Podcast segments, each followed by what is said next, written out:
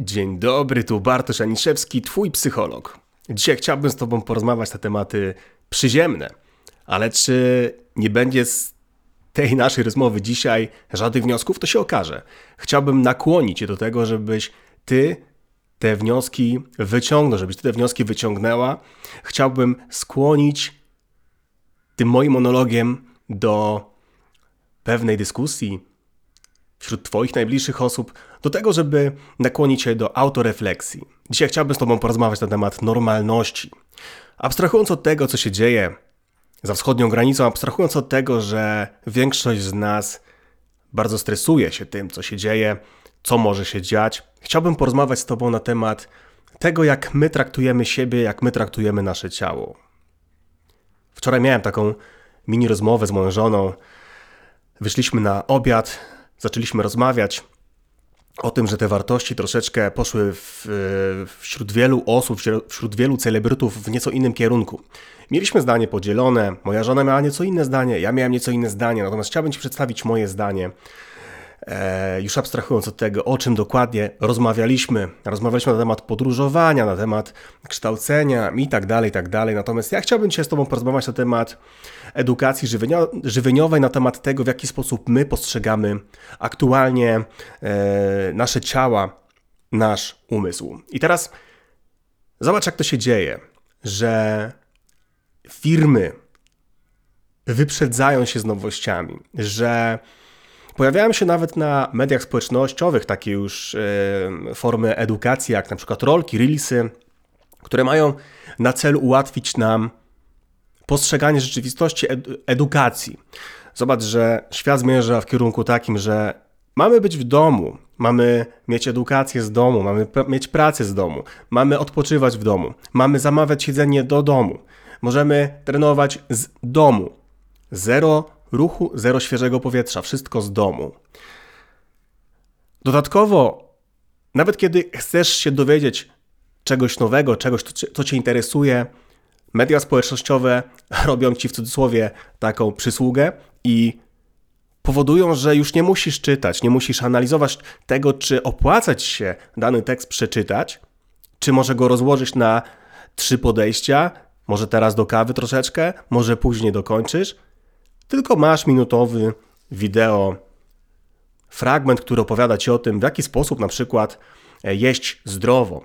Albo niektóre influencerki, niektórzy, niektórzy influencerzy pokazują ci, że możesz jeść normalnie, ale co to znaczy normalnie? Pokazują ci, że oto dieta z Lidla, dieta z Biedronki, dieta z Żabki, to może być twój nieodzowny element życia.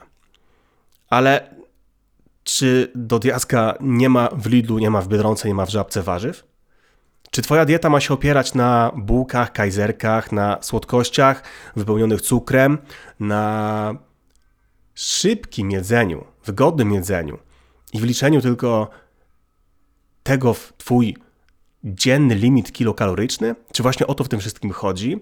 Czy ma być łatwo, przyjemnie? Tak, ja jestem zwolennikiem tego, że ma być łatwo, że ma być przyjemnie, ale chciałbym trochę odwrócić grę. Chciałbym opowiedzieć Ci o tym, jak ja to widzę. Jak moim zdaniem warto by było podejść do tematu żywienia, do tematu Twojego zdrowia w ogólnym rozrachunku. I widzisz, jednym z takich mitów żywieniowych, który obladuje dosłownie media społecznościowe, to, to takie stwierdzenie, że kaloria kalorii jest równa. I czy to będzie sałatka, czy to będzie ryba z ziemniaczkami, surówką, czy to będzie buła z parówką, czy jakieś słodycze, nie ma znaczenia, no bo kalorie to kalorie. No właśnie, nie do końca tak to wygląda, bo oprócz kilokalorii przecież są również składniki mineralne, są również witaminy, jest również błonnik, który nie tylko odpowiada za tak, tak zwaną perystaltykę jelit, czyli po prostu za zrobienie kubki, za ruch jelit, tylko za wiele innych funkcji. Na pewno Ci o nich opowiem, bo chciałbym, żebyś wiedziała, żebyś wiedział o tym, że błonik to kluczowy element diety.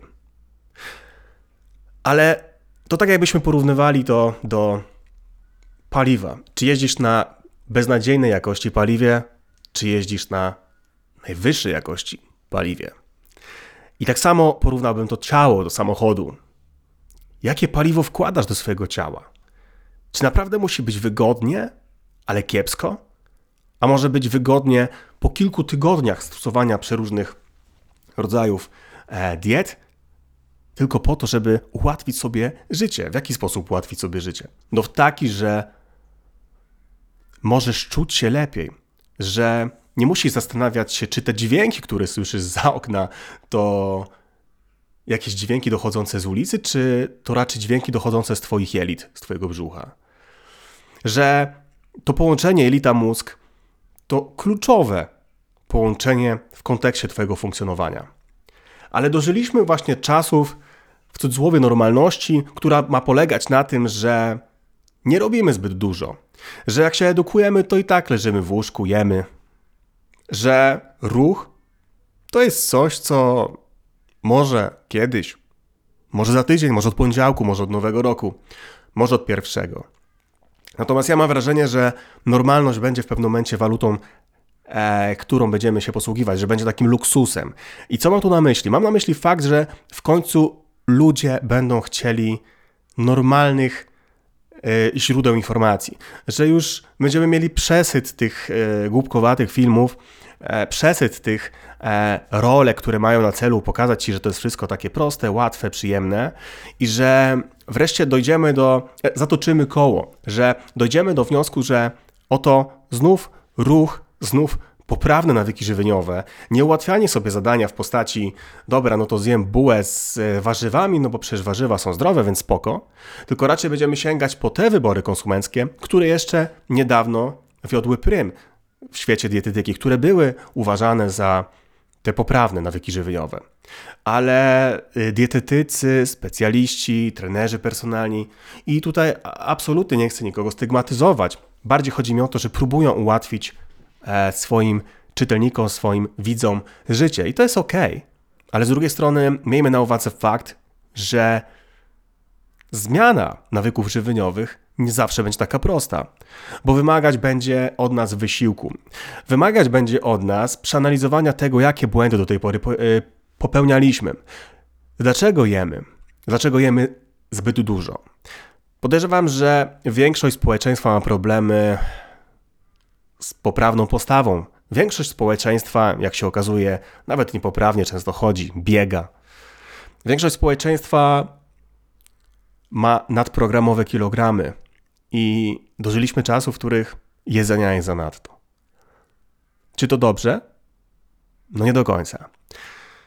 Gdybyśmy jeszcze potrafili zarządzać tym jedzeniem w kontekście naszej, naszego stanu e, psychicznego, no to byłoby w porządku. Ale, ale na ten moment wygląda to nieco inaczej. I chyba zgodzi się ze mną, że te czasy nastały. Zarządzanie swoimi emocjami to jest klucz. Natomiast jak powinno wyglądać z mojej perspektywy normalne żywienie, opowiem Ci o tym w kolejnym odcinku. Tu Bartosz Aniszewski. Dzięki za uwagę. Pa, pa.